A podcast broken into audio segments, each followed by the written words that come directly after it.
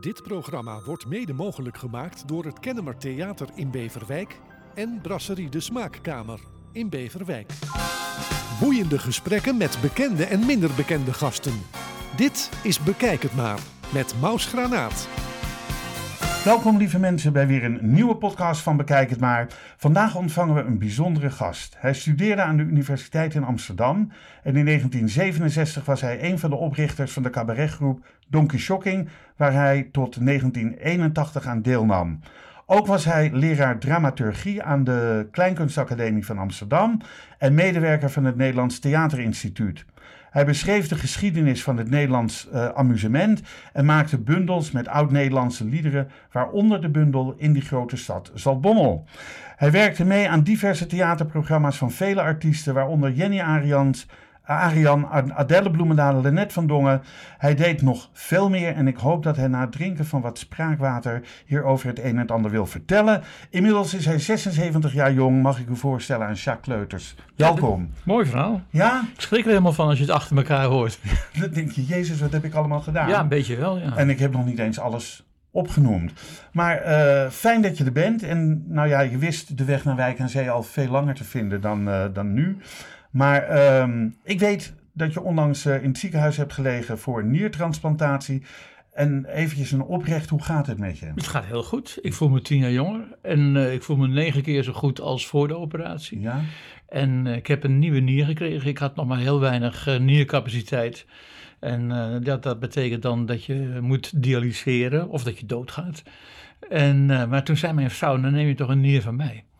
En dat klinkt nogal heel makkelijk, maar, ja, maar dat ja, is eigenlijk een hele uh, bijzondere gift eigenlijk. Hè. Dat is het mooiste cadeau wat je kunt krijgen van, uh, van iemand. Onvoorwaardelijke en, liefde, zeiden we zeker, net al. Ja. Ja, ja. Ze had eerst haar hart al geschonken en toen die nier ook nog een keer. maar, dus jij hebt nu drie nieren en twee harten. Ja.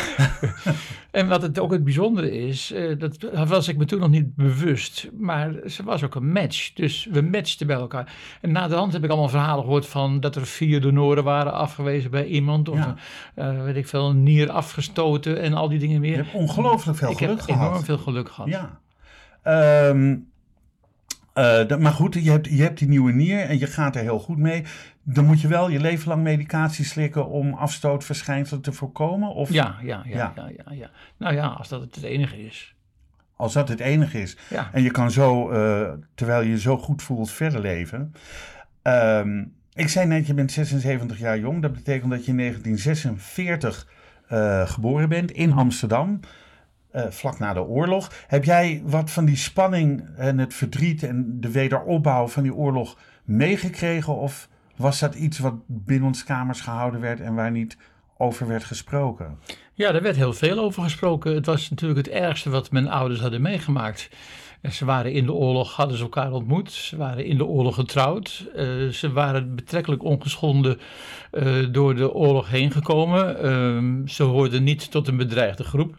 Mijn vader had zich ouder gemaakt, had zijn, eh, zijn persoonsbewijs had hij vervalst. En, maar ja, ze waren toch redelijk goed doorheen gekomen. Wel met veel spanningen en angsten en, en, en, enzovoorts. En dat Amsterdam wat ik leerde kennen na de oorlog... groeide op in, aanvankelijk in de binnenstad. Zeg maar tussen de Prinsengracht en de Keizersgracht in. En dat Amsterdam, dat zat nog vol ruïnes natuurlijk. Hè? Dus overal zag je ook wel gewoon... Overal waren gaten ingeslagen. gaten ingeslagen. ja. En ja, mijn ouders leefden ook nog heel erg in die sfeer van... eh, bij die winkel moet je niet kopen, want die waren fout in de oorlog. Oh, Ja, het- En, eh, en die meneer heeft een hele zware oorlog gehad. En eh, nou ja, van die verhalen, hè, vooral als er dus mensen over de vloer kwamen op verjaardagen... nou, dan ging het al gauw over die rottige tijd die ze meegemaakt hadden. Ik heb eh, eh, een boekje van jou. eh, ik moest vanmorgen denken. Op Facebook lees ik altijd jou. Ik moest vanmorgen denken aan Adelle Bloemendaal. En dan komt er weer een heel mooi verhaal. Maar hierin schrijf je ook. even kijken, waar stond dat hier volgens mij? Ehm, of was dat. Of was het hier? Een stukje over de oorlog. Ja, hier. Misschien kun je, kun je een klein stukje voorlezen, Sjaak. Eh, bij het groene stickertje begint het. eh, Oh ja, de oorlog was iets van onze ouders geweest. Ze hadden het er nog altijd over. Hun oorlog was een van de strijdperken waar wij ons gevecht met hen aangingen. Ik ben dus van zo'n babyboomer. Hè, Ja, jij dus, bent de eh, babyboomer, ja. Ja, tegenwoordig hebben de kinderen allemaal hele leuke ouders, maar dat was in mijn tijd nog niet. De Z-generatie hebben we nu, geloof ik, ja. Wij hadden eh, hun samenleving, dus de generatie van mijn ouders, die had berust op dwang en verplichtingen. En in de oorlog had hun mentaliteit van orde en gehoorzaamheid geleid tot een geweldige ramp. Dat zou ons niet overkomen. De oorlog was 25 jaar geleden. Wij stonden de hele maand mei in Theater Klein Bellevue met een aangepast programma. Dan heb ik het dus over Donkey Shocking. Shocking, ja. En wij hadden dus een, eh, een- wat wij het oorlogsblok noemden, waarin we, kijk, je kunt geen grappen maken over de oorlog, maar je kunt wel grappen maken over hoe de mensen met de oorlog omgingen. ja. En eh, eh, de, de, de heiligverklaring van het verzet. En eh, die, die, die, die oud-strijdersorganisaties, meneer Ego, die dan allemaal met die medailles op hun borst Ja. op de eerste rij stonden en ultrarechtse praat uitsloegen en al die dingen meer. Dus daar hadden we een, eh, een, een theaterprogramma over gemaakt eh, met Ja. Donkey Shocking. Ja, leuk. Ik kom straks nog wel terug op, op Donkey Shocking natuurlijk, want dat is eigenlijk best wel een belangrijke periode in jullie leven geweest. Ja. jullie mannen die Donkey Shocking en vrouw eh, eh, hebben opgericht. Ja. Eh, je doet een universitaire studie, Nederlandse taal en letterkunde. En gaat dan het cabaret in. Het cabaret in. Nee, nee, nee, nee, dat zeg je wel. Ja, ik- ik- Maar het ging eigenlijk al anders. Ik doe een studie letterkunde. Nee, ik wilde schrijven en ik wilde iets met literatuur. Maar ja, wat moet je dan gaan doen? Nederlandse taal en letterkunde. Ja, dat, dat, als je dus niet weet wat je, wat je wil gaan worden, dan ga je maar iets vaags studeren. En dit was iets vaags. En ik kwam in een gebouw waar allemaal jongens rondliepen zoals ik en meisjes. Dat die allemaal bezig waren met tijdschriftjes oprichten en gedichtenbundels maken, cabaretjes opzetten.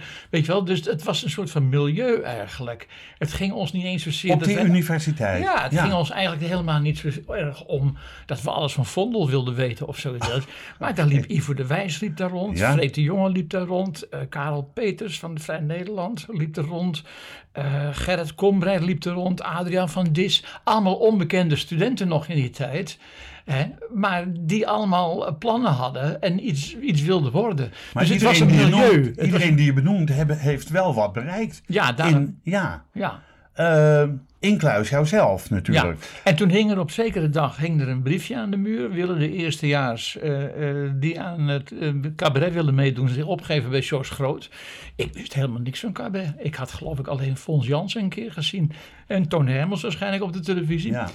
Maar toen eh, zei iemand van, ja, maar jij hebt toch wel eens een liedje geschreven? Ja, ja, ja. En jij kan toch goed zingen? Ja, ja, ja. Nou, dan doe jij mee van de eerstejaars. En zo zijn we bij een soort van cabaretje gekomen wat in die studievereniging iets deed. En langzaam werd dat steeds beter en professioneler. En op een gegeven moment keek ik achteruit en was ik helemaal geen leraar Nederlands geworden. Of ook geen journalist. Maar Nee. was ik beroepscabaretier. ja. Zonder, en heb je je studie überhaupt ooit afgemaakt? Nou, ik ben wel eh eerste graads eh, bevoegd leraar Nederlands. Dus ik heb mijn MOB heb ik gehaald. Je MOB, oké. MOB Nederlands. Eh, en de, je zegt, er waren een aantal mensen uit het eerste jaar die dat cabaretgroepje vormden. En waren dat al de vijf leden die het uiteindelijk zijn geworden? Nou, wel, Zaten- wel vier van de vijf. Vier van de Eh, vijf. eh, Fred Flores is er later bijgekomen. Maar de v- vier, George en Anke en Pieter van Empelen en, en ik, dat waren degenen die al studeerden. Ah, ah.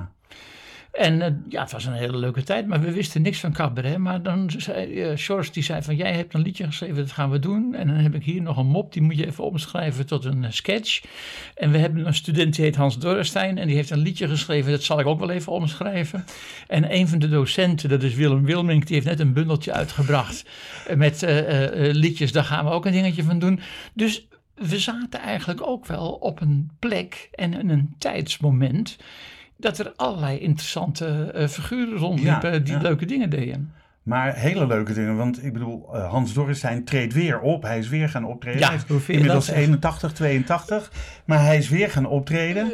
Eh, ehm, eh, eh, wie noemde je nou? Ehm, Willem Wilmink. Eh, Willem Wilmink, helaas overleden, eh, ligt volgens mij in de achtertuin van eh, Herman Vinkers. ja, klopt, ja. ja, eh, begraven. En, ehm, of in ieder geval zijn urn as. of zo. Ja, ja, zijn as. Zijn as. Die fantastische teksten heeft geschreven. Geweldige tekstschrijver is.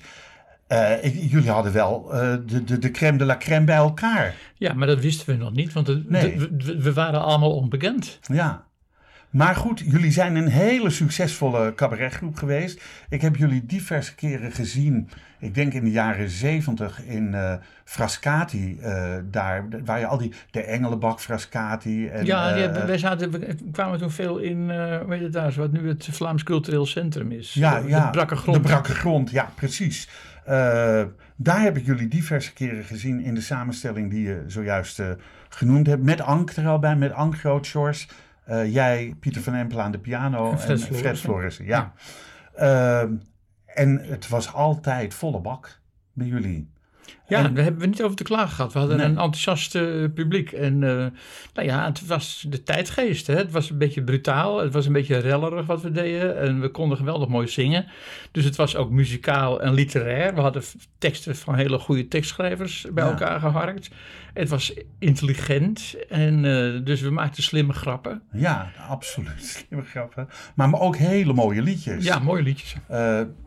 Als ik er eentje eh, nu, nu te binnen schiet, dat is dan De Oude School. Wat ik een heel mooi nummer vond. Ja, dat was een van onze hoogtepunten. Was Ja. Dat, ja. Ach, zou die school er nog wel zijn, kastanjebomen op het plein, de zware deur. Platen van ridders met een kruis en van Goejan Verwelle sluis, geheel in kleur. Die mooie school, daar stond je met een pas gejatte sigaret in fietsenrek. Daar nam je bibberig en scheel en van ellende groen en geel opnieuw een trek. En als de meester jarig was, werd het rumoerig in de klas. En zat je daar. En je verwachtte zo direct een uiterst boeiend knaleffect. De klapsigaar. Je speelde in een schooltoernooi en het begin was wondermooi, fijn voetbal weer. Je kreeg met 10-1 op je smoel de kleine keeper in zijn doel. Hij weende zeer. Ehm, eh, dat deze, maar ook eh, de sketch over eh, opa die 100 jaar werd. Opa's En- honderdste verjaardag. Dat was Opa's een lied, honderdste- een lied van Jan Boerstoel. Jan Boersel had dat geschreven, heb ik ook ooit in de studio gehad. Hele fijne man. Ehm, maar ook wat ik geweldig vond en wat ik zelf ook nog ooit gebruikt heb, de melodie althans, en een andere soortgelijke tekst erop heb gemaakt. Dat was, en wat doen we nou met moeder? Oh god, ja. En wat doen we nou met moeder? Wat? Ze- Wanneer? Nou, Ze wordt nou, 60 toch dit jaar? Ja, ja, ja. ja. Nou, dat kan gezellig worden, de hele swikkie bij me. Eigenlijk dat hele cabaret Donkey Shocking, waarvan ze zeiden van nou, jullie zijn linkse eh, politiek, wat dan ook. Ik denk eigenlijk dat we meer eh, rebels waren tegen onze ouders. Er waren een, eh, eh, in, voor die babyboomers die we waren, waren er een paar terreinen waar we vochten tegen de vorige generatie. Ja. Die vorige generatie die was opgegroeid voor de oorlog. In een straffe maatschappij. En die hadden de oorlog meegemaakt. Die waren bang. Mijn ouders die waren altijd angstig. Die zeiden: Ga jij maar bij de gemeente werken, dan kunnen ze je niet ontslaan. Ja. En die angst en die benepenheid die ze in onze ogen hadden, die hadden wij niet. Want wij waren na de oorlog geboren in welvaart. Of in, In vrijheid. groeiende welvaart Ja. en, en vrijheid. Ja. En vrijheid, dat wilden we. En ik had het idee dat mijn ouders er alleen maar op uit waren om te zorgen dat ik om tien uur Ja. naar bed lag. Ja. En dat ik niet eh, meisjes zwanger zou maken voortijdig. Eh, dat was eigenlijk het grote streven. En daar verzetten we ons tegen. En veel van het repertoire van Donkey Shocking, zoals ook dit lied eh, Zeg wat doen we nou met moeder, moeder, ja. dat is eigenlijk gericht tegen die ouderen, tegen die De ouders. angst die ze hadden. hadden, als we een, om een onderwerp verlegen zaten, dan konden we het altijd over onze moeders hebben. Oh. Moeder, nu ga je sterven, zongen we van Hans Dorrestein. Nou ja, dat was een verschrikkelijk fel lied. Eh, eh, eh, vreselijk.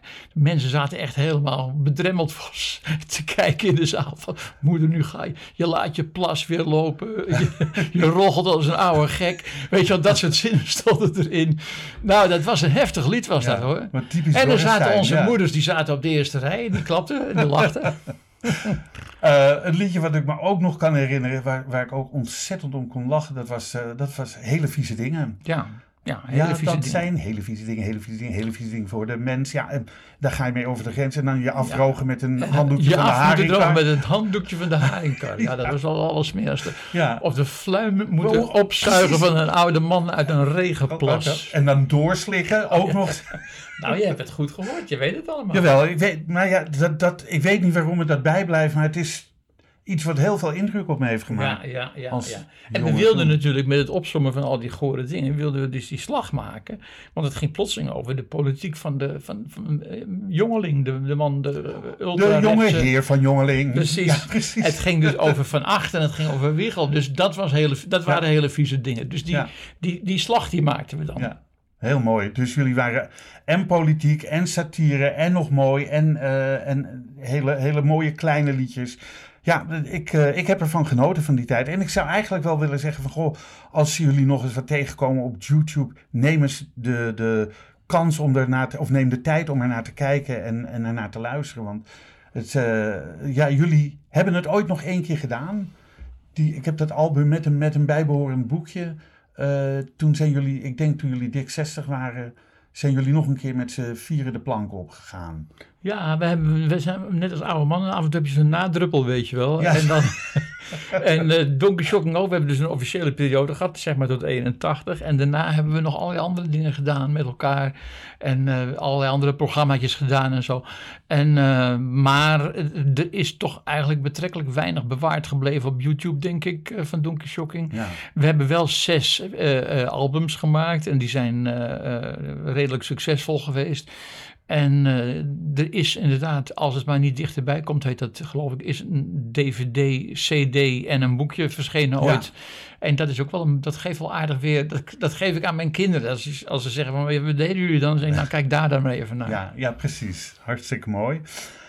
Ehm, je schreef samen met, dus weer eventjes heel, heel iets anders hoor, met Gerben Hellinga de musical De Zoon van Louis Davids, gebaseerd op de liedjes van Louis Davids.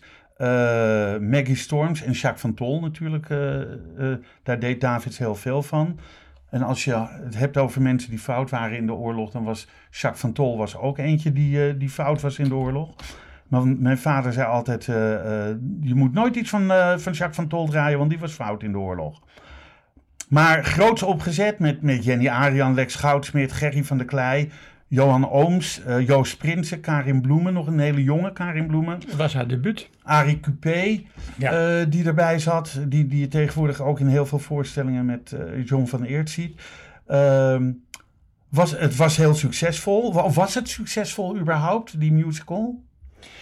Het viel een beetje tegen. Het was wel een hele fijne musical om in te spelen. En die mensen die zijn ook allemaal bevriend geraakt. En die kennen elkaar nog allemaal. En er zaten zeker hele goede stukken in. En, maar het probleem was een beetje dat die musical tijdens het schrijven veranderde. En eh, dat bijvoorbeeld de rol waar Jenny Arian voor uitgekozen was, eigenlijk zo totaal veranderd was. Dat zij eigenlijk, dat die rol en zij eigenlijk niet meer zo goed bij elkaar pasten. En, eh, eh, en, en wat ook een probleem was, dat was dat Martin van Dijk geweldig interessante eh, muzikale versies van die liedjes had gemaakt.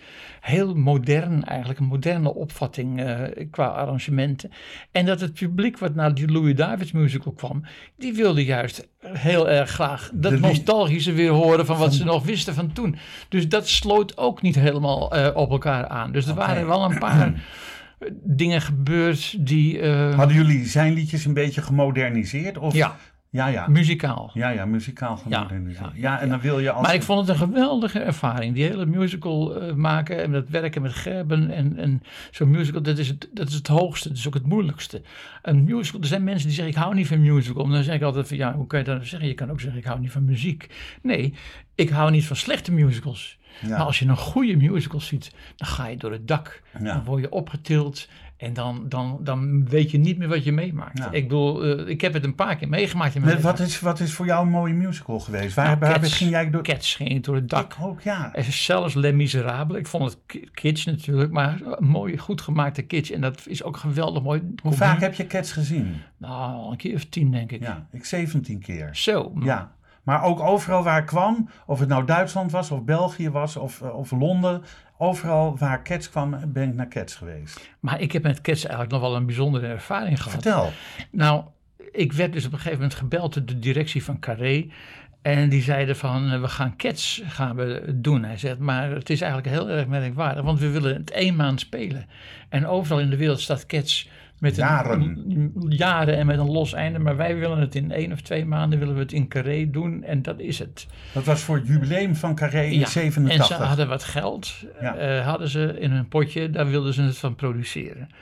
En toen zei eh, eh, Hubert Atjak, de directeur van Carré, van de Linde en Atjak waren de directeuren, die zeiden van, maar wie moet het vertalen? Ik zeg, ja maar luister, er is een goede vertaling, want Cats is gebaseerd op die Old Possum Book of Cats van T.S. Eliot. Ja, Dat is een Engelse dichter. En daar bestaat een hele knappe vertaling van door Gerrit Komrij gemaakt. En ik vind, daar kan je niet omheen. Daar moet je, die moet je gebruiken. Ja, zei Hubert, maar is die zingbaar? Ik zeg, ja, dat weet ik niet. Daar zullen we achter moeten komen. Nou, even later zei hij van ja, we hebben de, eh, de rechten, we hebben contact gehad met eh Komrij. Maar die vertaling moet toch zingbaar gemaakt worden. Zou jij zin hebben om naar Portugal af te reizen en naar het kasteel van Gerrit Komrij eh, eh, te gaan in Trás Montes? En eh, daar te gaan werken een week aan die musical om, om, zingbaar te maken. Ik zei, nou ja, als het niet anders kan, dan doen we dat wel. Hè? had ik ook gezegd.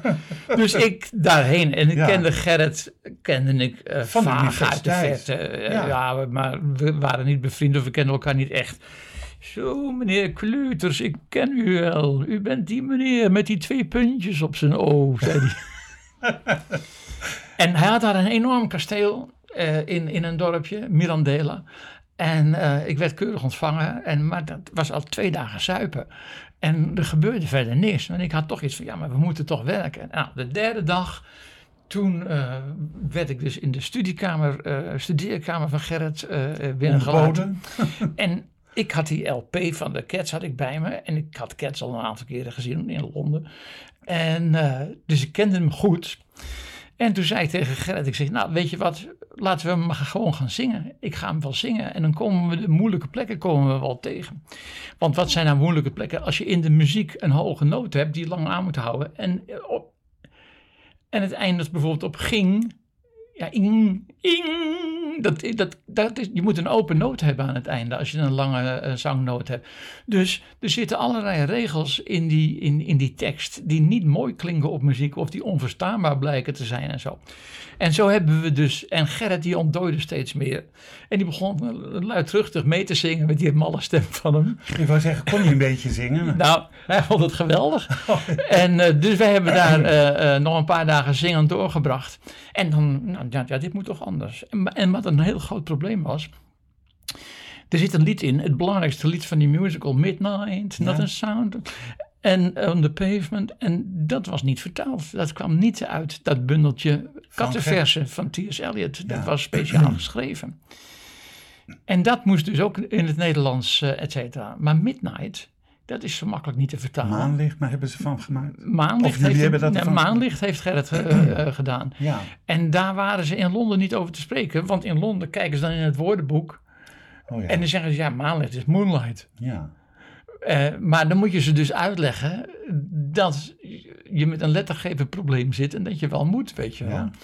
Ja, dat, eh, dat soort eh, besprekingen heb je dan met, met de rechthebbenden hè, over de vertaling. En dan spreken ze geen Nederlands. En ze kunnen het niet lezen, maar dan kijken ze letterlijk in een woordenboek. En dan gaan ze zeuren. Nou, ik vond het een geweldige ervaring. En ik vond Cats ook heerlijk. En een van de mooiste avonden was toch wel dat mijn kinderen, die nog klein waren, die mochten mee naar Cats. En ehm, die zaten daar zo en die katten die gingen er over die rand van dat toneel, van de, van de, van de Ja, ze kwamen tussen je kwamen door, ja. tussen je door Ja. en zo. En die kinderen waren voor het eerst in het theater. Oh, wauw. En, wat een- en die muziek en die betovering die van alles uitging. Het was zoiets moois. En ze waren helemaal totaal stil in de auto. En toen reden we naar Castricum, want we stonden op de camping hier in Castricum. Bakken? Nee, in Oh. eh, camping eh, eh, dingetje. eh, het, eh, ehm, En eh, daar reden we dus heen en ze konden niets meer zeggen. Ze waren helemaal gegrepen. Door de musical. Door, dus zeg nou tegen mij niet van ik hou niet van musical. Nee. Je moet een goede musical kiezen en dan kun je totaal betoverd raken. Is er nog een musical waar jij betoverd van geraakt bent? Waar jij betoverd van bent geraakt? Nou, ik heb er veel gezien. Ik heb er veel gezien. Ik denk dat ik wel 40, 50 musicals gezien heb in mijn leven. En eh, er zijn er diverse geweest. Ik was bijvoorbeeld op de voorpremière van, eh, van een musical van Stephen Sondheim. Eh, die, die moordenaar, weet je wel. heet die? En ik vergeet altijd hoe die heet. Het is een moeilijke naam. In ieder geval, dat, is die, die, die barbier die dan met, met dat scheermes... Ehm, ja, ik heb de cd hier staan. Ja, ja, ja. Nou, in ieder geval, ik kom zo wel op de naam, maar dat maakt niet uit. En, uh, en dat vond ik ook fantastisch, ja. Sondheim uh, is natuurlijk de grootste componist en, uh, en de meest interessante. West Side Story is natuurlijk Oh. ook een musical waar we allemaal... hoeveel keer ben je daarheen geweest? Nou, West Side Story was je nog te jong? Nee, twee keer gezien. Slechts twee keer? eh, ja, slechts twee keer. In, met, in, met de versie van eh, waar Maaike Widdershoven in speelde. En ehm, volgens mij Rolf Koster. eh, dat was het stel dan wat verliefd werd. Maar Rolf Koster weet ik niet helemaal zeker. Dat, die, da, dat heb ik twee keer gezien. En de film natuurlijk honderd keer. Ja. De, de Amerikaanse film. Maar Hair vond ik ook eigenlijk een. eh, Ik vond Hair als musical niet zo geweldig. Maar als film, als filmmusical vond ik hem heel goed. Heb ik ook wel iets van twintig keer gezien. ja. En liet ik altijd aan mijn leerlingen zien op de Kleinkunstacademie. Als een nieuwe generatie leerlingen kwam, dan liet ik altijd die film herzien. Want ik denk van, er moet toch een moment komen dat het niet meer aanslaat. Dat het verouderd is. Dus daar wil ik bij zijn. Ik wil Oh, weten ja. wanneer ze zitten te kijken. Want op een gegeven moment, ja, her gaat over dat lange haar. ja. Hè? Maar op een gegeven moment zaten er allemaal kort geknipte kopjes. Ja. En was lang haar ouderwets en, eh, en, en kon niet meer. Maar het gaat niet over lang haar. Het gaat over het verzet tegen de ouders. Die eh, je willen op een bepaalde manier kleden willen. Ja. Hè? En dat is toch een thema wat gewoon wel blijft bij Dat jeugd. blijft. Ja, ja. En, en het is een stukje nostalgie. Wat misschien ook voor jongeren weer leuk is om naar te kijken. Mogelijk. Ja, Maar het is een ja. goed gemaakte film. Ja, absoluut. Ehm, ja, als je. Ik kom toch nog even terug op Donkey Shocking hoor. Want we vlogen zomaar naar. eh, naar, naar al- althans, ik vloog naar de musical. Ehm, als je bij elkaar komt als zo'n eh, als zo'n groep mensen die een cabaret gaan maken. Wie bepaalt dan wie gaat tekst schrijven? Wie gaat. eh, speel jij piano? Speel jij? Nee, Pieter speelt wel aardig piano. Laat die maar piano doen. Hoe gaat dat? Want Nou, Pieter werd erbij gehaald als pianist. ja, Het was meteen duidelijk dat hij de pianist was. En wij wisten toen nog niet waarom hij zo geschikt was. Maar hij was zo geschikt omdat hij eh, nooit een noot muziek hoefde te lezen. Want hij kon wel lezen. Maar hij kon geweldig improviseren.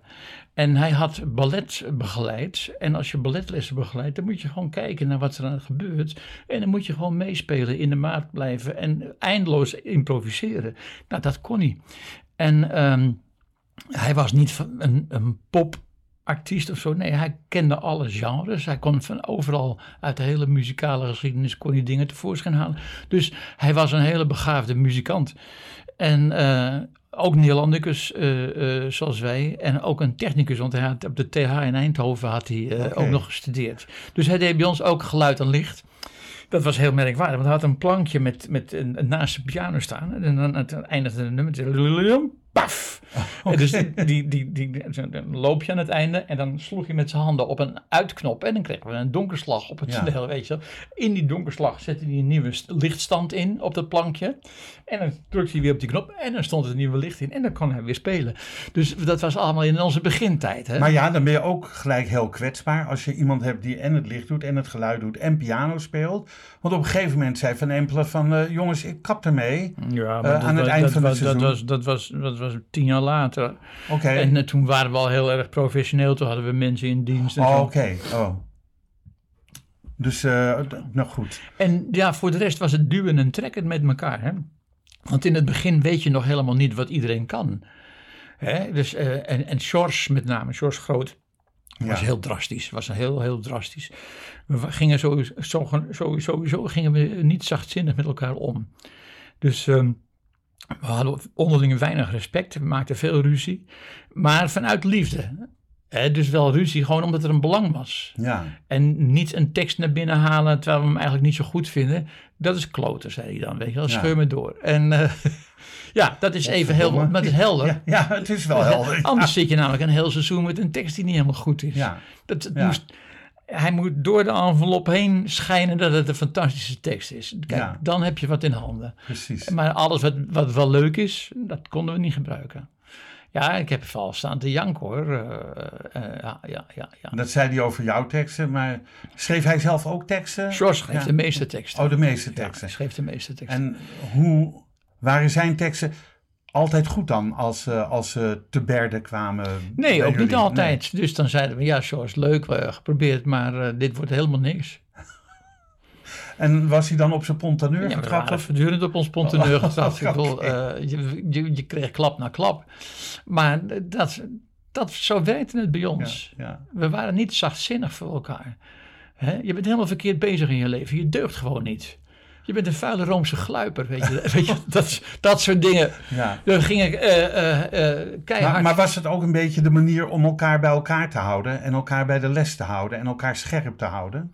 Ja, dat Ja. Is, eh, je hoort het natuurlijk wel vaker van, ook bij, bij topsporters en zo. Dat, eh, ja, die trainers die zijn ook niet vaak niet zachtzinnig. Niet mals, en eh, nee. tegenwoordig pikken ze dat niet meer. Maar ja, in die tijd waar wij in zaten, deden we dat zo. Niet bij iedereen hoor, want Cabaret Ivo de Wijs, wat een, eh, een bevriend groepje was, Ja. daar gingen ze heel gezellig met elkaar om. En, eh, en zo, zo zijn wel andere voorbeelden. Maar goed, bij Ivo de Wijs was er dus één man die het voor het zeggen had. En dat was Ivo. ja, En wij zaten dus met een heel team. precies. En iedereen bracht in. En bij Ivo de Wijs bracht, denk ik, Ivo het, eh het leeuwenaandeel teksten in. Ja, het was bij ons werkte het een beetje zoals een voetbalelftal, weet je wel. Dus de, de ene maakt dus een mooie aanval en dan zegt de andere zegt van, nou, dat heb je goed gedaan. Misschien moet je wat meer naar voren spelen. En eh, de ander zegt er ook iets over. En iedereen, we hadden geen regisseur. Dat was toen nog niet. Nee, oh, oké. we, we, we knoeiden gewoon zelf. Dus er kwam een tekst en dan gingen we naast de piano staan en dan gingen we met z'n allen door elkaar heen staan te blaren. Ja. En Pieter die, die ving op wat we deden en die, die ma- begeleidde en die maakte er op een gegeven moment muziek van. En dan gingen we heel hard meezingen. En zowel Fred had in de operette gezongen en ik had op kerkkoren gezongen. Dus wij waren betrekkelijk handig in het maken van harmonieën. En zo klonk het op een gegeven moment vrij harmonieus. En als wij dan, en George en Ank zongen dan de lead. En, en ik pakte de hoge partij en Fred de lage. En als dat ongeveer klaar was, dan wist Pieter nog een tussenpartij voor zichzelf eh, Erbij te schrijven. erbij te schrijven. En zo knoeiden we met elkaar tot een nummer klaar was. Later, toen Donkey Shocking voorbij was en ik wel met andere mensen ging werken, toen werkte ik bijvoorbeeld met de mensen van Purper. Met Frans Mulder. Nee, met Erik Breien en Erik met. Haaien van der Heijden. Ja. En die zeiden, wat, wat, werk je, wat werk je amateuristisch? Hier heb je een cassettebandje mee, hier staan de arrangementen op, leer het uit je hoofd en het is volgende week klaar. En eh, toen zei ik van, ja, maar ik vond juist de kracht van ons dat wij dat met elkaar uitzochten. Ja. Dat was ook onze lol, dat we met Ja. elkaar in, een, in een hele dag repeteren een nummer eh, neer hadden gezet. Terwijl zij waren heel economisch bezig van, je laat een vakman laat je arrangement schrijven en dat studeer je in en dan is het klaar. Toon Dus- Hermans deed het ook, die stond gewoon met de muzikanten, stond hij te kloten op het toneel. Totdat er een soort van arrangement was wat hij lekker vond en bij Ja. hem vond passen. Ja. En hij heeft dus een keer heeft hij, eh, eh, Ruud Bos mooie arrangementen laten maken tegen betaling. En hij heeft ze ongespeeld, heeft hij ze weggegooid. Omdat hij vond dat ze toch niet voldoende bij hem pasten. Ja, als je, als je zelf kan kleermaker bent, hè, dan kun je Ja. misschien slecht pakken van een ander aan. Nou, dat is zo. Ja, maar ja, goed, als je zelf kok bent, eet je toch ook graag bij een ander. Ja, de ene wel, de ander Ja, niet. ja, dat is misschien ook wel zo. En smaken verschillen. Dat waar. Ehm Sjaak, op Radio 2, NPO 2 tegenwoordig, Radio 2, maakte je halverwege de jaren 80 een documentaire serie Door de Nacht klinkt een lied. Ja, Over het amusement tijdens de Tweede Wereldoorlog.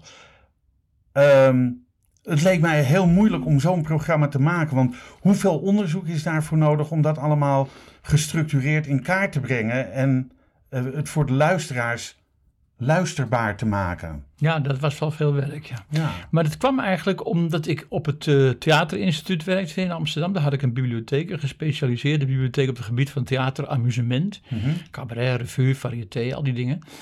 En, en dan sprak ik wel eens oude eh, artiesten, eh, of las ik een interview en dan stond er, ja, in de oorlog moesten we stoppen. En dan dacht ik, nou, in de oorlog moesten we stoppen. Ik zie hier allemaal programmaboekjes uit de oorlog eh, van die artiest. En waarom liegen ze eigenlijk allemaal? Nou, die waren fout in de oorlog. Nou, dat, dat, die conclusie maakte ik niet. Maar mensen als Wim Sonneveld, Connie Stewart, Toon Hermans. Ik bedoel, al die mensen, eh Kraaikamp, die waren allemaal in de oorlog begonnen. Hè? Allemaal zo in 42, zeg maar. En, eh, eh, en die hebben gespeeld tot de hele, hele maatschappij stilstond. De Joden waren sowieso afgevoerd. Wat er nog over was, dat, dat, dat was geen, geen. Het spoorweg stond stil vanaf september 44. Eh, Dus je kon eigenlijk nauwelijks meer optreden. En eh, tussen september 44 en mei 45 lag het hele openbare leven stil. Dus als die mensen zeiden van ja, in de oorlog moesten we stoppen, dan denk ik, ja, dat raad je de koekoek iedereen. Ja. Dus toen dacht ik, ik zou dat nou wel eens helemaal willen uitzoeken. Wat hebben de artiesten in de oorlog meegemaakt? In hoeverre waren er maatregelen? Waar was de censuur? Wat kon er wel, wat kon niet? Eh, welke praktische eh, belemmeringen hebben ze gehad? Nou, en toen heb ik op een gegeven moment gezien dat iedereen een eigen oorlog heeft meegemaakt. Want als je Joods bent, dan heb je echt wel een hele andere oorlog meegemaakt dan als je in een NSB-familie hebt gezeten, opgegroeid bent of eh, weet ik veel In het verzet. in het verzet hebt Ja, gezeten. ja. Of je bent als dwangarbeider naar Duitsland eh, gemoeten. Dus iedereen heeft zijn eigen verhaal gehad in de oorlog. En toen dacht ik van nou, nou moet ik dus een aantal verschillende kanten van die oorlog zien te belichten. En toen heb ik een aantal mensen geïnterviewd, oud-artiesten. Eh, Zoals, kun je, kun je wat namen nou, noemen? zeg de Wama, zeg je dat De nooit? Wama's, Eh, Wim Wama. Wim Wama. Ja. Nou, Wim Wama heeft doorgespeeld tot hij niet meer kon ongeveer. Eh, avonden voor zwarthandelaren en alles zo fout als het maar kan. Hij heeft alleen niet voor de Duitsers opgetreden. Dat nou niet echt. Maar voor de rest was het een vrij besmuikte periode. En die man was daar volstrekt eerlijk over. Ja. En dat vond ik ook wel weer fijn. Dat hij zei, ja, je moest wat doen om te overleven. Dus ik heb alles gedaan, alles aangepakt. En. Hij had er sterke verhalen over. Joost Piers, dat was een pianist, dat was de pianist van eh Finder Lamar. En die zei, ja, ik heb eigenlijk de hele oorlog geen Duitser gezien. Want ik heb mij daar gewoon voor afgesloten. Ik wilde ze niet zien, ik kon ze niet zien. En ik heb gespeeld en enzovoorts. En ik heb ook een beetje langs het verzet heen geleefd. Ook niks mee te maken. Ik ben eigenlijk, ik heb, ik ben innerlijk geëmigreerd tijdens de oorlog. Ik heb me voornamelijk Beethoven thuis zitten te spelen. En, eh, en, en als ik nog wat kon optreden, deed ik nog wel wat. Maar ik zorgde in ieder geval dat je alleen met goede mensen op particuliere feesten en zo, dat soort dingen ging doen. Herbert Nelson, dat was een Duitse Jood. Die in Amsterdam gekomen was eh, voor de oorlog. En zijn vader was een hele beroemde cabaretier. En die had een ondergronds cabaret tijdens de oorlog. Op het Merwedeplein, achter de Wolkenkrabber in Amsterdam, had hij op de tweede etage, drie huizen naast Anne Frank, eh, eh, waar Anne Frank woonde, had hij een cabaret waar op zondagmiddag cabaret werd gedaan en waar niemand iets van mocht weten. En er kwamen 20, 25 mensen die eh, kwamen daar zo dan. En daar was ook iemand die vertelde over het front en over wat er gebeurde was. Want je kon de kranten en de radio kon je niet meer Nee, geloven. nee. Dus er was iemand die van de Engelse radio eh, eh, alles wist. Was iemand die bij de politie werkte en die veel meer... eh, en er deden bepaalde artiesten mee die al lang niet meer optraden. Zoals Annie Mols de Leeuwen, Joodse vrouw. En, ja. Ja, en, De toiletjuffrouw. Ja, precies. Dat Ja. is een beroemd door. Ja. En die trad daar ook op in het ondergrondse. Dat was dus weer een heel ander verhaal wat Herbert Nelson te vertellen had. Ja. En ehm, een echte collaborateur heb ik er toen niet in gehad in die uitzending. Die mensen die, die, die echt fout waren in de oorlog, die hadden ook echt geen enkel belang om na de oorlog te gaan vertellen hoe stom ze ze, gedaan- geweest waren. ze of gedaan zo, hadden, Wat ja. ze gedaan hadden. Ja. Want die hadden het na de oorlog ook zwaar gehad. Want die hadden natuurlijk in kamp gezeten. En die hadden hun, eh, de jeugd van hun kinderen verpest. En die hadden eh, zodra iemand wist dat ze NSB waren geweest, of wat dan ook, konden ze weer verhuizen. En werden de drollen weer door de, de, de voordeur naar binnen geschoven. Ja, ja, ja. Dus die mensen hadden geen enkele behoefte om te vertellen eh, wat het was. Maar ik heb hun verhaal natuurlijk ook verteld. Nou, die uitzendingen, ik zal er niet er waren vijf, zes uitzendingen, die waren buitengewoon mooi. Het was een mengeling van oude opnamen, interviews, commentaar. En ik had een, bijna een half jaar in de kelders van oorlogsdocumentatie gezeten. Ja, dat zal wel. Om alles te weten. Ja. Want als ik die interviews ging doen. Oh ja, Jetty Kantor zat er ook in. Jetty kan ook Nou, een Joodse zangeres. Ook een Joodse zangeres. En Ja. die had natuurlijk een vreselijk verhaal. Want die was naar Westerbork eh, gekomen. En van Westerbork was ze in de kampen terechtgekomen in het oosten. En eh, ja. En, en dat was wel een heel aangrijpend verhaal, zeker ja. Maar ook met humor, wo- wonderlijk genoeg. In ieder geval, die getuigenissen van die mensen, die kwamen van alle kanten en alle richtingen. Daarom was het ook zo'n evenwichtig programma, dat ieder zijn eigen oorlog eh, daarin weerspiegeld zag. En eh, het was ook heel mooi opgenomen. En we hebben daar enorm, we konden toen ook nog zo lang eh, monteren als we wilden. Dat kostte geen ja, dat geld kostte geen, kostte geen zak toen natuurlijk. Nee. Nu En, kost eh, elke minuut En toen heb ik daar in 85 heb ik daar de eh, prijs voor gewonnen voor het beste radioprogramma van het jaar. De reismicrofoon, Ja, zoals Ja. Ivo de Wijs altijd zegt, de zilverrijstmicrofoon. de zilveren reismicrofoon. Ja, ja, ja.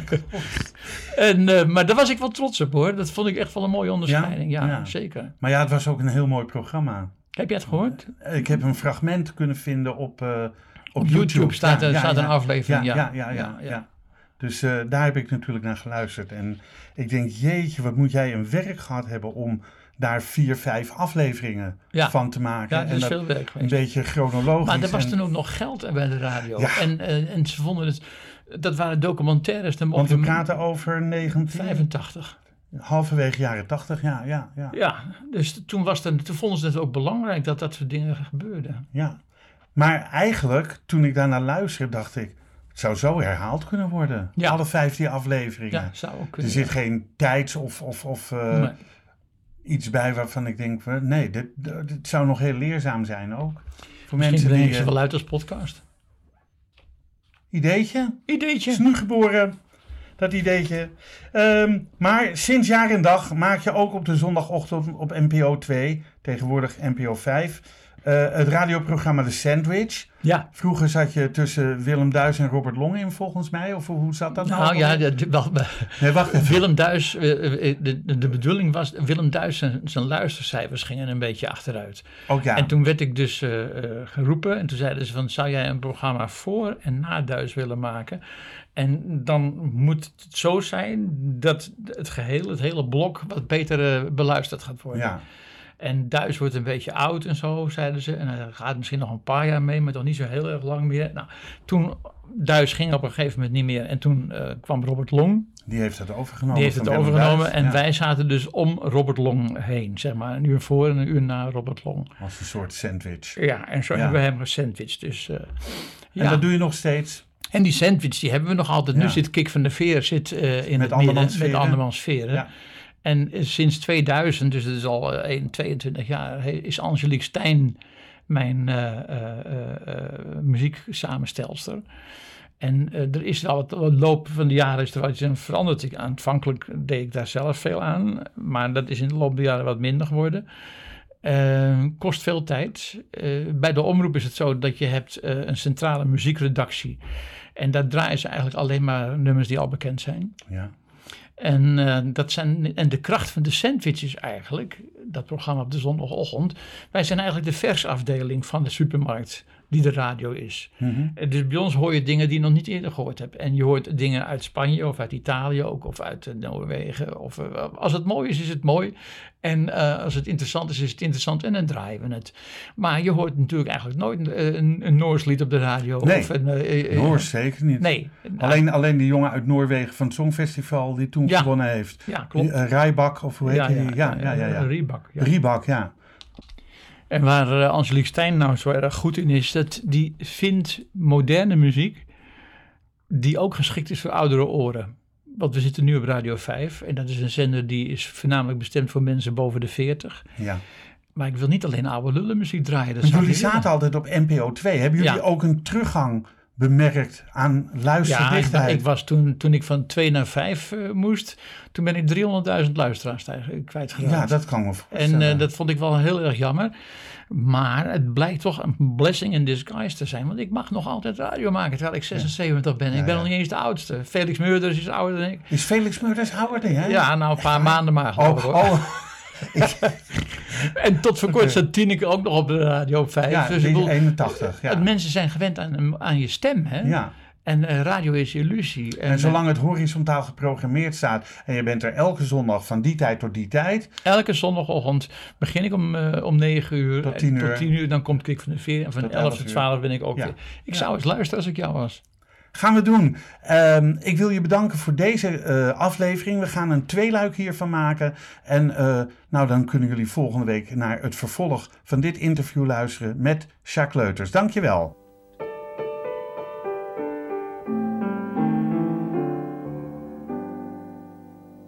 Dit programma werd mede mogelijk gemaakt door het Kennemer Theater in Beverwijk en Brasserie de Smaakkamer in Beverwijk.